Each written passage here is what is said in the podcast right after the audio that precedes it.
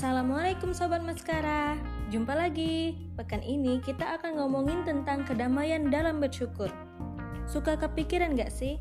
Kenapa ada orang yang hidupnya biasa aja tapi dia bahagia?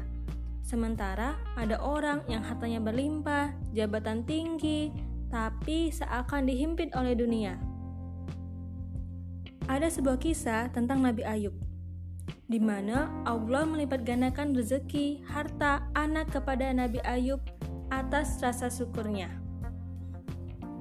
Masya Allah, ternyata Nabi Ayub itu ketika satu masalah datang, ia bersyukur. Saat satu masalah lagi datang, ia tetap bersyukur. Beda banget sama kita yang suka ngeluh.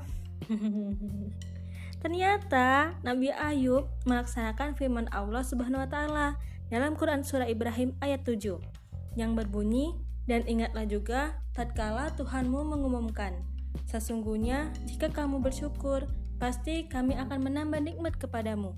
Dan jika kamu mengingkari nikmatku, maka sesungguhnya azabku sangat pedih. Nah, rasa syukur ini relate banget sama kehidupan kita. Rasa syukur itu seperti perlombaan. Siapa yang paling banyak bersyukur, maka kedamaian dalam hatinya akan semakin besar.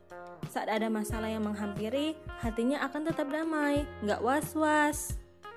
Wih, jadi nggak rugi banget nih kalau kita mau bersyukur. Oleh karena itu, Sobat Maskara, jangan lupa bersyukur ya. See you!